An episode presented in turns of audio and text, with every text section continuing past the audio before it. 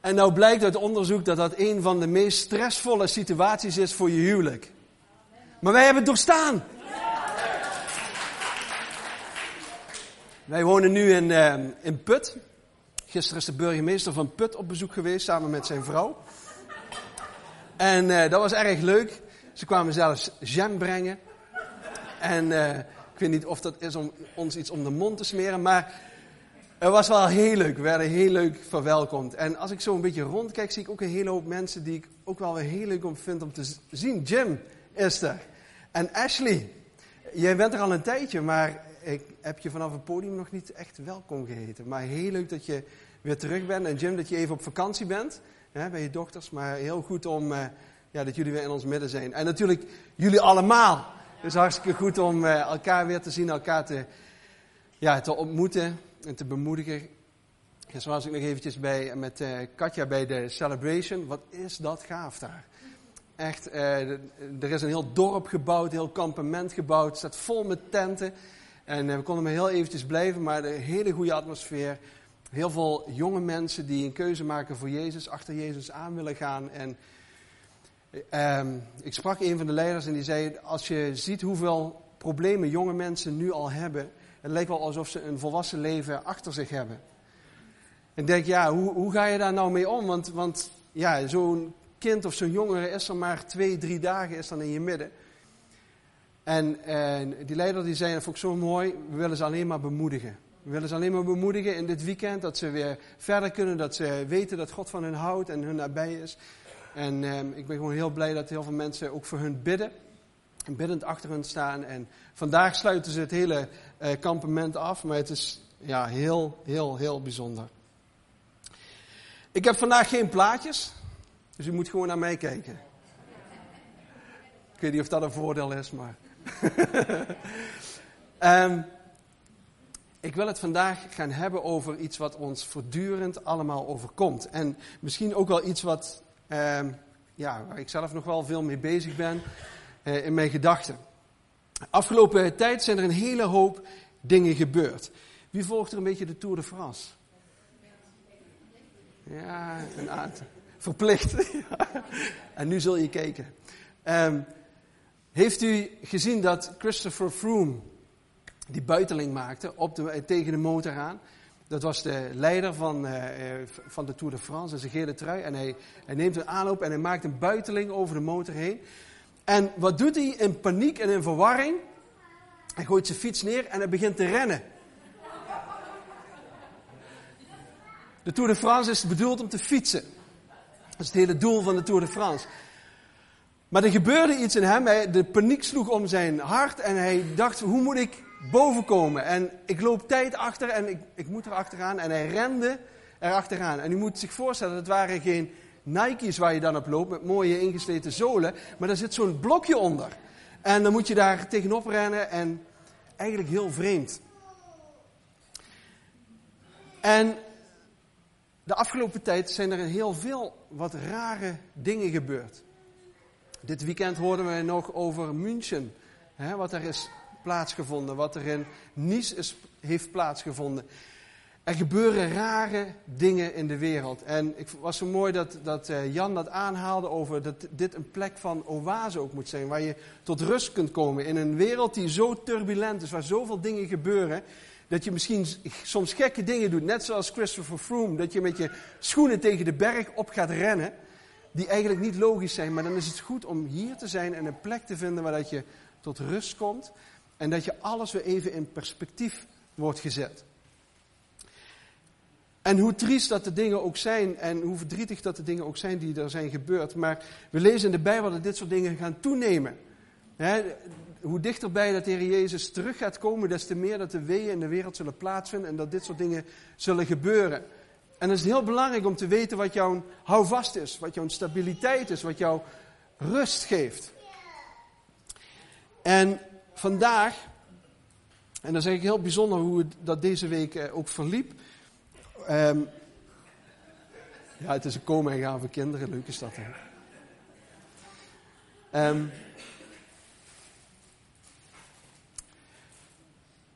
ons, en Deze week had ik met, uh, met Ralf en Nadine een gesprek. Ralf en Nadine eh, zijn in verwachting, zoals jullie weten. Maar de afgelopen week is er een echo geweest en hebben ze gezien dat er bij het hartje iets niet zo goed zit. En dat moeten ze verder gaan onderzoeken. En we gaan daar straks ook samen voor bidden met de hele gemeente. Um, en ik hoor Neeltje net naar mij toe komen. En ze zegt, ja, het gaat met Dirk niet zo goed. En uh, we houden hem in de gaten, maar hij voelt zich niet lekker en het gaat niet goed met hem. En als je dat soort dingen hoort, dan wordt jouw, ik weet niet of jullie dat ook hebben, maar dan wordt je hart onrustig. Dan denk je, wat is er aan de hand? Wat gebeurt er? Wat vindt er allemaal plaats? En hoe belangrijk is het dan dat je weet waar jouw hart om gaat? En vandaag wil ik het daarom ook hebben over de strijd die in jouw hart rondgaat. En allemaal, zoals we hier zitten, kennen we situaties waar ons hart onrustig van wordt. Misschien is het wel je kind waar dat je je zorgen over maakt. Die maakt misschien wel keuzes waar je niet achter kan staan. En jouw hart wordt daar onrustig van. Misschien is het wel je gezondheid. Je gezondheid die achteruit gaat en je merkt dat slaat in je hart en je hart wordt onrustig. Misschien is het wel je uitzicht op werk of geen werk. En je vraagt je af hoe moet dat verder en je hart wordt daar onrustig van. En misschien is het wel je financiële situatie. Misschien zijn er wel zorgen en problemen in jouw huwelijk die jouw hart onrustig maken. En misschien zijn het de gewone dagdagelijkse dingen die jou onrustig maken op dit moment. En soms zijn het hele grote dingen, maar soms zijn het van die gekke kleine dingen die jou in één keer onrustig kunnen maken. Verhuizen bijvoorbeeld. Maar het kan je ineens onrustig maken. Heb je dat ook wel eens, dat je op het ene van het andere moment dat er iets gebeurt en je denkt, ik voel me zo onrustig. Ik snap het niet, ik, ik pak het niet, ik was net nog zo rustig. Alles ging goed. Ik was goed met God, God was goed met mij en het lijkt wel alsof er een strijd in ons hart gaande is. En ik wil daarom twee teksten met jullie aanhalen. En de eerste staat in Psalm, in de Psalmen. Psalm 55.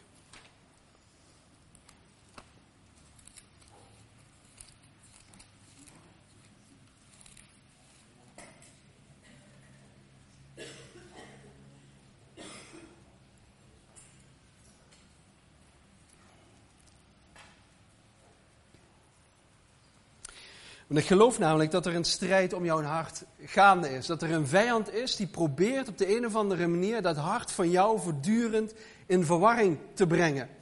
Um, uit balans te krijgen. Op de een of andere manier je onderuit te halen. En dan staat er in Psalm 55 het volgende. En dan wil ik eigenlijk graag vers 5 en vers 6 lezen.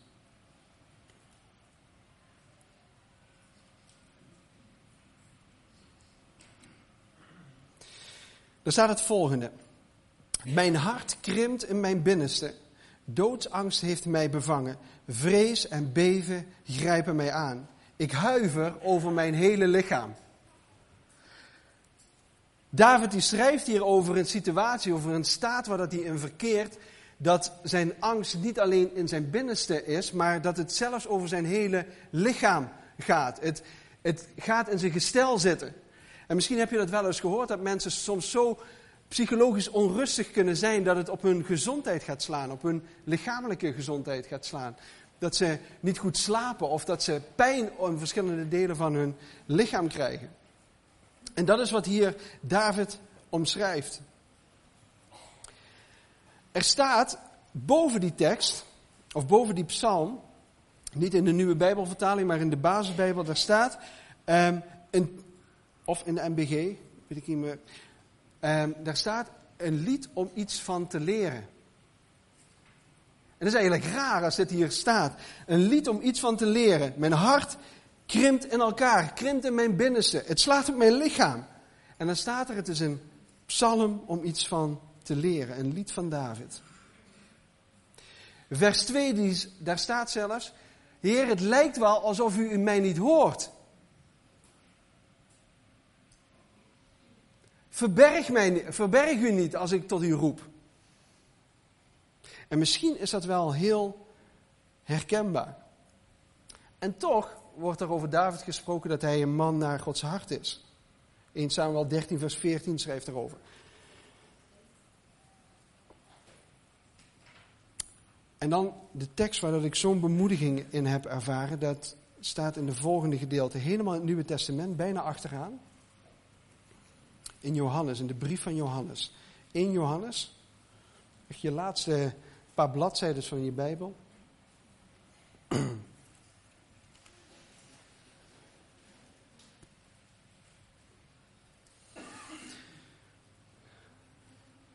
En als je hem nog niet dik hebt onderstreept in je Bijbel, dan zou ik je dat echt willen aanraden om dat te doen. In Johannes hoofdstuk 3, vers 19 en vers 20. In je iPad en je telefoon kun je ook allemaal strepen, hè? dat weet je wel. Ja, niet letterlijk, hè? niet met zo'n merkstift. Oké, nee, nee. Lieve mensen, in deze tekst staat zo'n bemoediging. Moet je eens luisteren wat daar staat. Dan weten we dat we voortkomen uit de waarheid en kunnen we met een gerust hart voor God staan. En zelfs, en zelfs als ons hart ons aanklaagt, God is groter dan ons hart. God is groter dan ons hart. En dat staat er aan het einde. Hij weet alles. God is groter dan ons hart. Groter dan de zorgen waar dat je je in bevindt. Groter dan de problemen waarin dat je verkeert. Groter dan de onrust die in jouw hart is. God is groter dan ons hart. En misschien herken je dat wel, dat je wel eens het gevoel hebt dat, dat, je, dat jouw hart je veroordeelt. Daar spreekt deze tekst over. Dat je hart onrustig wordt en, denk je, en, en je hart zegt, ja zie je nou wel, zie je nou wel, het gebeurt weer, het gebeurt weer. Ik heb een heel leuk boekje. En misschien kent u deze schrijver, Adrian Plas. En hij schrijft op een, ik vind een beetje de christelijke Toon Herman. Ja, Toon Herman, ze zeggen ook wel wat christelijk, maar um, de Amerikaanse versie daarvan. En hij heeft een boekje geschreven en dat heet de springkussenmethode. En het leuke is dat het boekje gaat over kinderen die zie je springen op zo'n springkussen. En als je die bezig ziet, dan denk je bij jezelf, eigenlijk wil ik ook. Eigenlijk wil ik ook. Maar ik ben nu volwassen en dat, dat kan niet. En dan moet ik die kinderen aan de kant duwen en dan moet ik zelf op dat springkussen. Maar op een gegeven moment trek je toch je stoute schoenen uit. Je loopt naar het springmatras en je gaat dan stiekem toch springen. Beleid eens even, wie heeft dat gedaan? Ja, ja, ja, ja, ja. Ik weet dat er veel meer zijn. En veel meer nog die het zouden willen. En daar is waar dit boekje over gaat. Dat kinderen soms zo. Die, die trampoline lijkt een beetje verboden terrein voor ons dan. Dat we daar niet mogen komen. Maar op het moment dat we daar zijn en dat we daar springen, dan voelen we ons opgewekt, voelen we ons blij, zijn we gerust. En dat is wat die kinderen eigenlijk ook hebben. En daar genieten we van. En, en het is eigenlijk, hij zegt dan, God die gunt ons eigenlijk dat springkussen. Spring er nou maar op. Ga nou maar doen. Doe je schoenen nou maar uit en ga nou maar daar naartoe. En zorg dat je daar rustig in bent. En hij schrijft op een gegeven moment over een, uh, over een stukje tekst. En dat vond ik zo mooi. En hij noemt dat de geestelijke driestrap. Ik noem dat wel de processie van Echternach. Twee stappen voorwaarts en één stap achterwaarts. Beetje kenmerkend misschien voor je geestelijk leven. Je maakt twee stappen voorwaarts. Nou, en dan gebeurt er wel wat en dan zet je een stap naar achter. Het lijkt wel een dansje. En ik wil een stukje voorlezen over hoe hij dat omschrijft. Ik vond het zo mooi. De dans gaat ongeveer zo.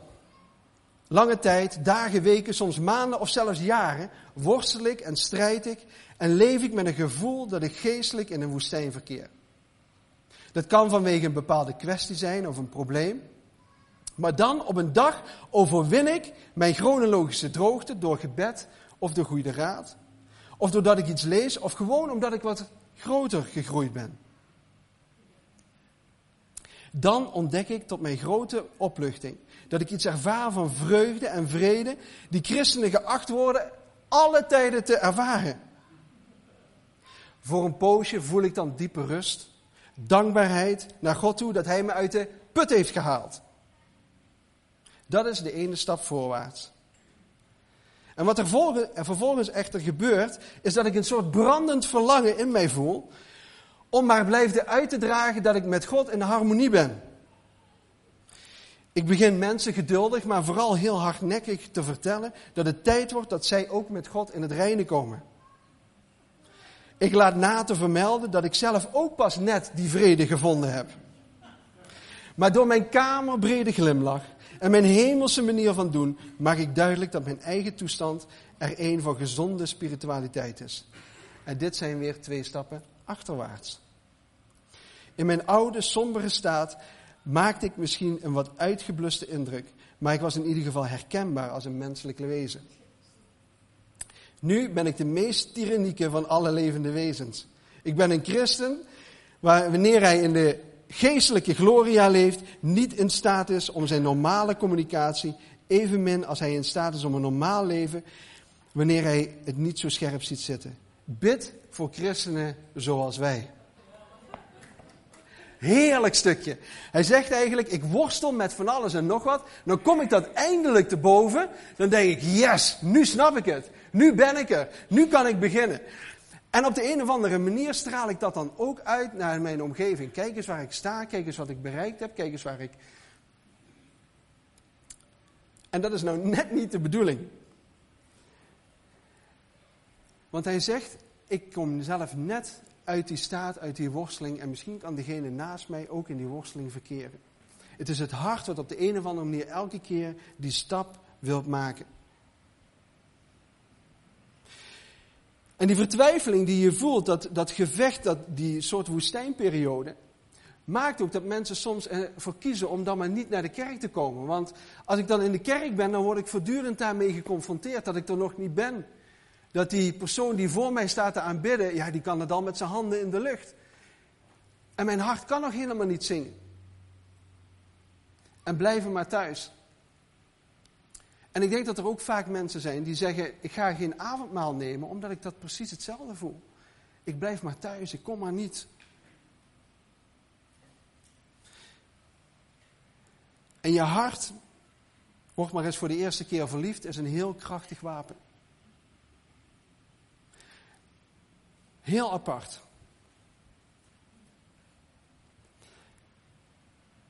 En op de een of andere manier koppelen we dat geestelijk leven aan dat kloppende hart. En een van de meest gevleugelde uitspraken uit deze tijd is: volg je hart. Doe maar wat je hart goed vindt om te doen. Ja, maar ik twijfel zo. Ja, maar volg je hart. Ik denk dat het misschien wel het slechtste advies ooit is. Het slechtste advies ooit. Want soms voelt mijn hart uh, stabiel, een beetje zoals Adrian net vertelde. Maar ik merk ook wel eens dat mijn hart helemaal beneden zit. En dat ik triestig ben en dat ik somber ben. En, en heb je ook wel eens gemerkt dat dat van het ene op het andere moment kan veranderen? En stel je voor, je maakt nou net een keuze op dat moment. Volg je hart. Nou, lekker advies.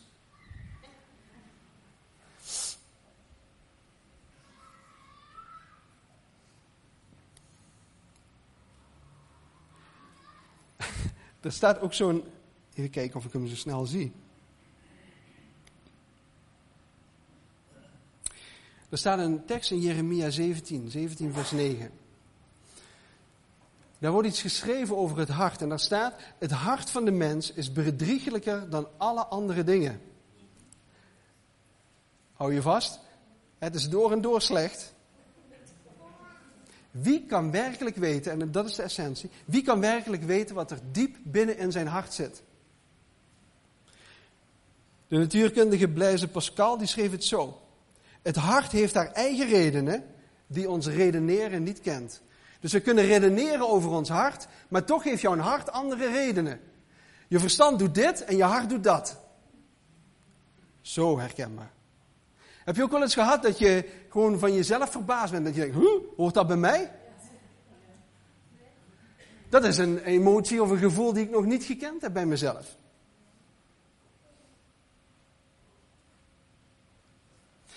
En op het moment dat we ons gevoel als het ware koppelen aan ons geestelijk leven, dan gaat dat geestelijk leven ook voortdurend zo op en neer. De ene keer voel ik me goed, voel ik me happy, voel ik me blij. En een andere moment zit ik onder in de put. Hier was wel eens een spreker en die zei, Um, gevoel hou je smoel. Gevoel hou je smoel.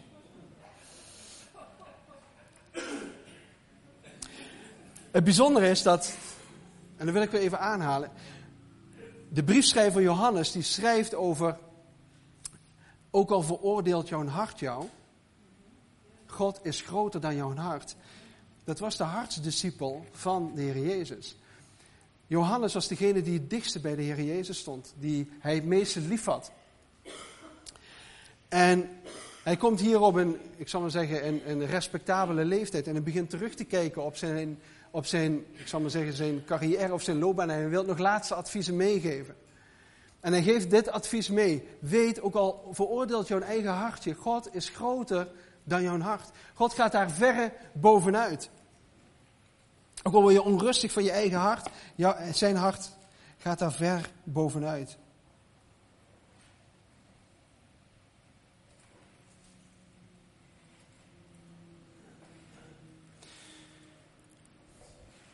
Het gekke van dat hart is, is dat de Bijbel eigenlijk zelden of ooit spreekt over jouw fysieke hart. Dat wat binnenin jou klopt, die, dat ding hier.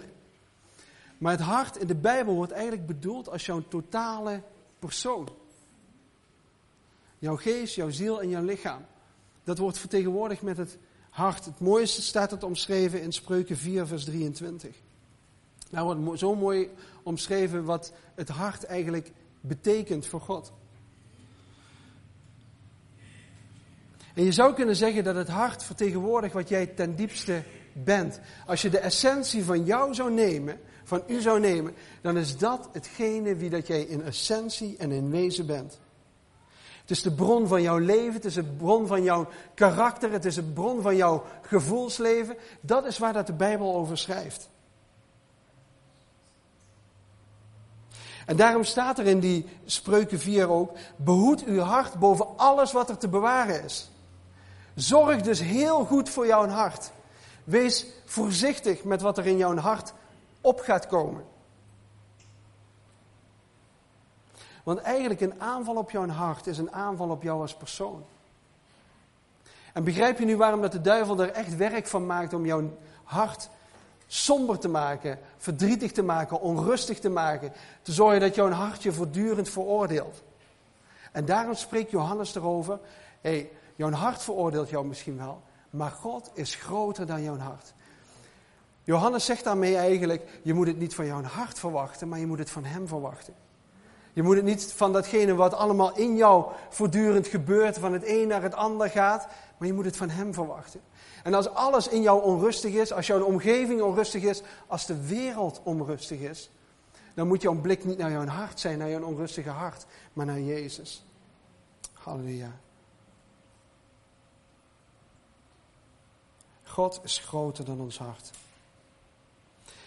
Ik heb de spreuk van Augustinus hier wel eens aangehaald. Onze harten zijn rusteloos totdat ze rust vinden bij u. En ik wil afsluiten met drie gedachten waar ik bij denk van nou wat, wat wil God met dat hart verder doen. God wil ruilen. En daar bedoel ik het volgende mee. De woorden die in jouw hart opkomen, de gedachten die bij jou binnenkomen, de gevoelens die bij jou binnenkomen, God wil ze ruilen. Hij zegt eigenlijk, ik wil dat wat in jouw hart omgaat, dat wil ik van jou overnemen. En ik wil jou daar graag iets anders voor teruggeven. En daarom is het dat we hier zo vaak hameren, lees nou die Bijbel. Zorg dat die woorden van God, als het ware, terugkomen naar jou. De woorden die in jouw hart omgaan, zijn vaak niet deze woorden. Die maken je onrustig, die maken je... Maar hij zegt, ik, ik wil je een nieuw woord geven. Ik wil je dat woord geven en daarin zul je rust vinden. Daarin zul je troost vinden. Daarin zul je mijn nabijheid vinden. Jeremia 29, vers 11 geeft zo'n ontzettend mooie tekst. Ik immers, ik ken de gedachten die ik over u koester, spreekt de Heer. Het zijn gedachten van vrede en niet van kwaad. Namelijk om u een toekomst van hoop te geven. Gods woord maakt mijn rusteloze hart rustig. Hoe vaak heb je het misschien wel niet gehad dat je hart onrustig was en je ging echt naar je binnenkamer, je zocht echt de stilte op En je opende Gods woord en dan merkte je dat je hart rustig werd. Misschien ben je hier zelfs wel onrustig binnengekomen door alles wat er gebeurt in je omgeving. En je merkt als je hier weggaat dat je hart rustig wordt. Waarom? Omdat God zijn woord als het ware ruilt tegen jouw zorg. Jouw onrust ruilt hij voor jou, voor zijn rust. Zo ontzettend mooi.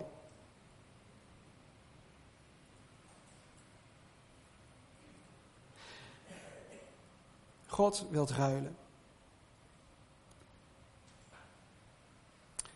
Ja, maar wat moet ik dan elke keer doen als ik struikel? En, en als je nu eens wist wat ik afgelopen week gedaan heb, wat ik gisteren nog gedaan heb, wat ik gisteravond misschien nog gedaan heb, dan, dan zou je weten hoe rusteloos mijn hart is.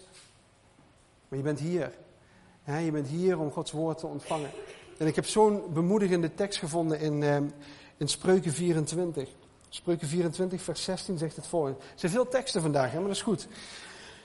Daar staat, want de rechtvaardige valt zevenmaal, doch staat hij weer op. Maar de goddelozen struikelen in de rampspoed. En dat moest ik echt een beetje tot me door laten dringen, want hier staat niet dat de zondaar zeven keer struikelt. Hier staat niet dat de slechte mensen in de wereld zeven keer struikelen.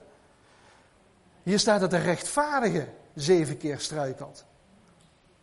En als je een beetje bijbelachtergrond hebt, dan is zeven in, het uh, in de Bijbel een, een getal wat, wat spreekt over volheid. Over iets wat voortdurend gebeurt. Eigenlijk zegt deze tekst hier, ook al struikel je als rechtvaardige voortdurend, toch staat hij weer op. Wat is dat een mooie tekst? Wat is dat een mooie tekst? Ook al ben ik, en, want nogmaals, het gaat niet over de zonde, het gaat over de rechtvaardige. Ook al struikelt de rechtvaardige zeven keer, toch staat hij weer op. En vandaag zou ik je echt willen bemoedigen, zou ik, jullie, zou ik u willen bemoedigen. Als je het gevoel hebt dat je ligt, dat je valt, dat je niet meer op kan staan, sta weer op. Sta weer op. Het gaat over de rechtvaardige, het gaat over u, het gaat over mij.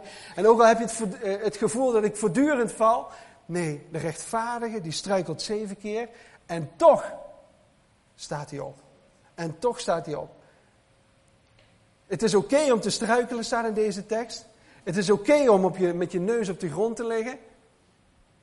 Maar het is nog veel okéer, als dat een Nederlands woord is, om op te staan.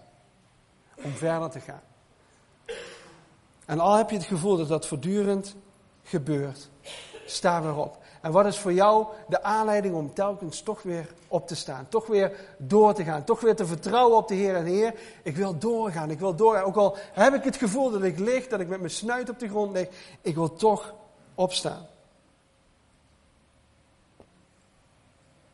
Wat is dit heerlijk voor je hart en zo'n boodschap. Zo goed dit. En tegelijkertijd op het moment, en dat is het tweede punt wat ik wilde aanhalen.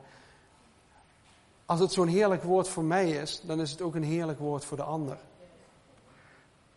En ook voor degene die mij pijn heeft gedaan. Of mij zeer heeft gedaan, of mij heeft gekwetst. Want als ik mij toesta om het op mijzelf toe te passen, dan wordt het heel erg lastig, want dan moet ik het ook aan de ander toepassen. Johannes spreekt in dat stukje daarvoor dat, dat jouw geloof niet zonder daden kan blijven als Gods liefde jou veranderd heeft, jou vernieuwd heeft. Dus op het moment dat ik die, als ik ervaar van, hé, maar God is groter dan mijn hart, dan betekent dat ook voor degene die mij zeer heeft gedaan en pijn heeft gedaan. Het zou zelfs zo kunnen betekenen dat als we hele verkeerde dingen doen, dat we denken, ja, of iemand heeft jou echt gekwetst. Zo, voel jij dat nog maar eens even een paar jaar. Met andere woorden, eh, ik wrijf het er nog eens even heel goed in. Maar als we deze boodschap op onszelf kunnen toepassen, dan kan het niet uitblijven dan dat we dat ook op de ander durven toe te passen. Als God mij genezen heeft van mijn hartekwaal, dan wilt hij dat ook bij de ander doen. En wilt hij dat ook na de ander doen. Kijk, ik geloof dat het kruis niet zomaar is. Het geeft aan dat, dat we een vertica verticale vergeving nodig hebben. Maar dat hebben we ook met elkaar nodig. We staan altijd in relatie met elkaar. En daarom heb ik gezegd bij het tweede punt, een gered hart is een gevend hart. Het kan niet zo zijn als, als jij die liefde van God hebt ervaren, dat er, dat er niet iets in jouw binnenste gebeurt waarin dat je zelf ook gaat geven. Waarin dat je zelf gaat uitdelen, waarin dat je zelf mensen gaat vergeven. En dan zou het zelfs zo kunnen zijn dat, stel je voor dat we dat als kerk zouden doen. Stel je voor, we zouden als kerk bekend zijn, dat, dat is een vergevende kerk. Dat is een kerk waar dat het evangelie echt voor iedereen geldt. Dat is een gekke kerk, dat wordt op iedereen toegepast. Dat evangelie, iedereen wordt daar maar vergeven. Maar weet je wat die verkeerd hebben gedaan? Boah, dat zou toch wat zijn. Dat iedereen zou worden vergeven. En was dat nou net niet de essentie van wat Jezus wilde? Dus hou die, die wrok of hou die, die pijn, hou die niet vast, maar laat dat, laat dat los. Laat het gaan. En geef het over aan Hem.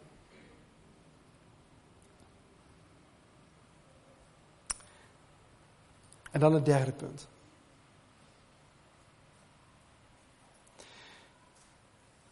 Misschien wilt u nog één keer met mij de Bijbel openslaan in Johannes 10. Diezelfde Johannes schrijft daar weer. Dan is hij wat jonger.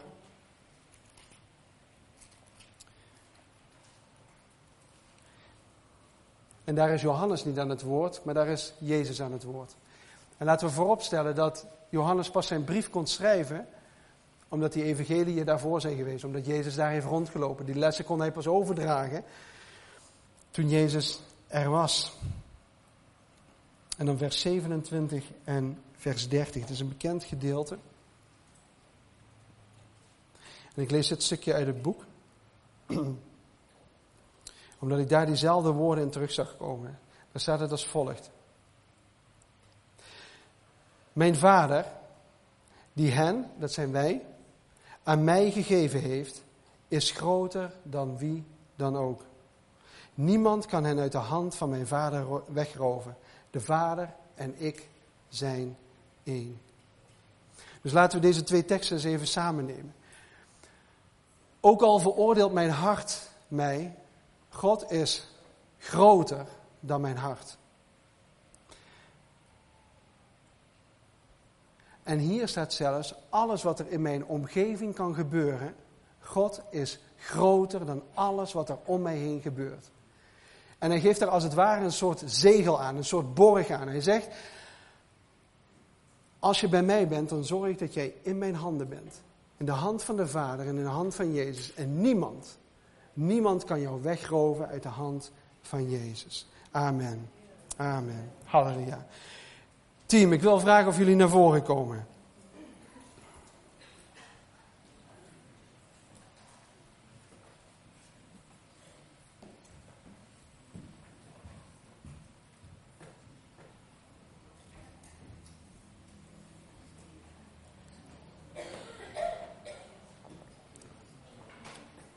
Zullen we gaan staan met elkaar?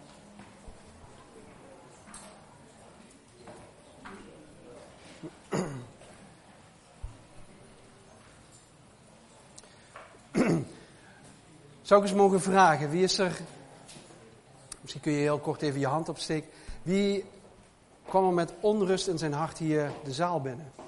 Door dingen die er afgelopen week gebeurd zijn en die er hebben plaatsgevonden. Is het goed dat je op deze plaats bent? Ja, het is goed dat je Gods rust ervaart. En ik wil daar ook echt voor bidden dat je naar huis gaat met de rust en de vrede van de Heere God. Dat die bij je is. En die gaat elke verstand gaat die te boven. En um, we gaan zo een heerlijk lied zingen. Maar ik denk dat het goed is om, uh, om te bidden met elkaar. En misschien vind je het fijn om als het ware symbolisch je hand op je hart te leggen. En misschien doe je dat gewoon door je handen te vouwen. En misschien vind je het ook wel lekker om gewoon zo te staan. Vind ik ook prima. Maar we kennen allemaal een bepaald, misschien wel een bepaalde onrust in jouw leven. Of waar dat je bezorgd over bent.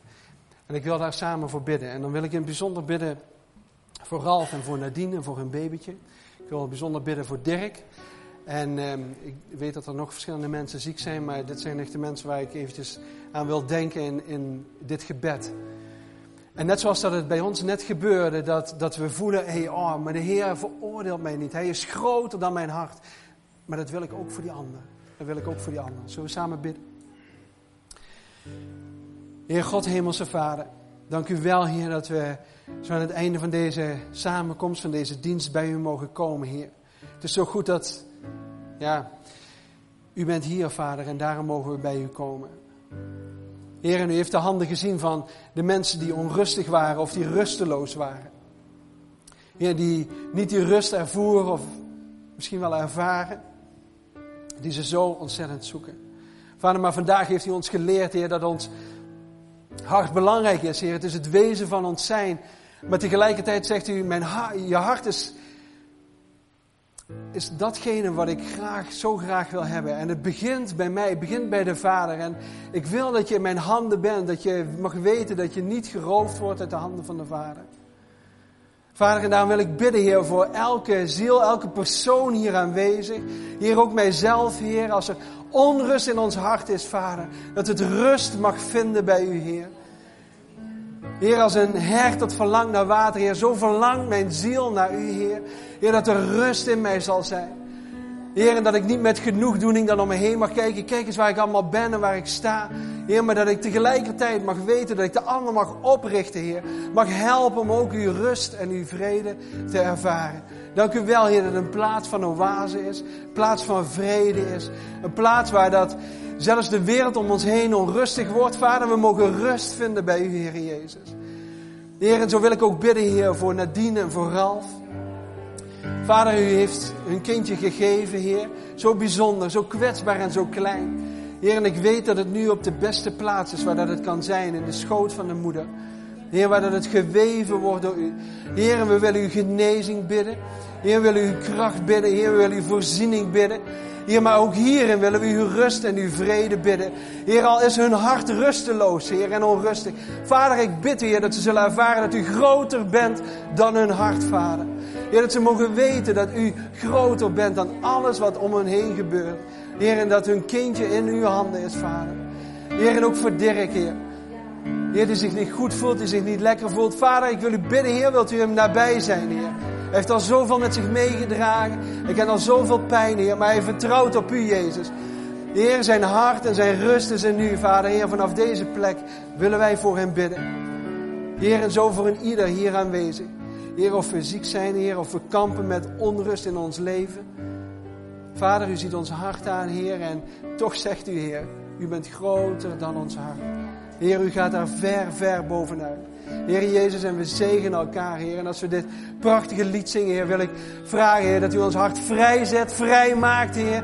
Heer, dat u ons helpt om te staan in de rust en de vrede van u, Heer. Dank u, Koning Jezus. Halleluja, Heer. Dank u. Glorie voor je naam, Jezus. Halleluja.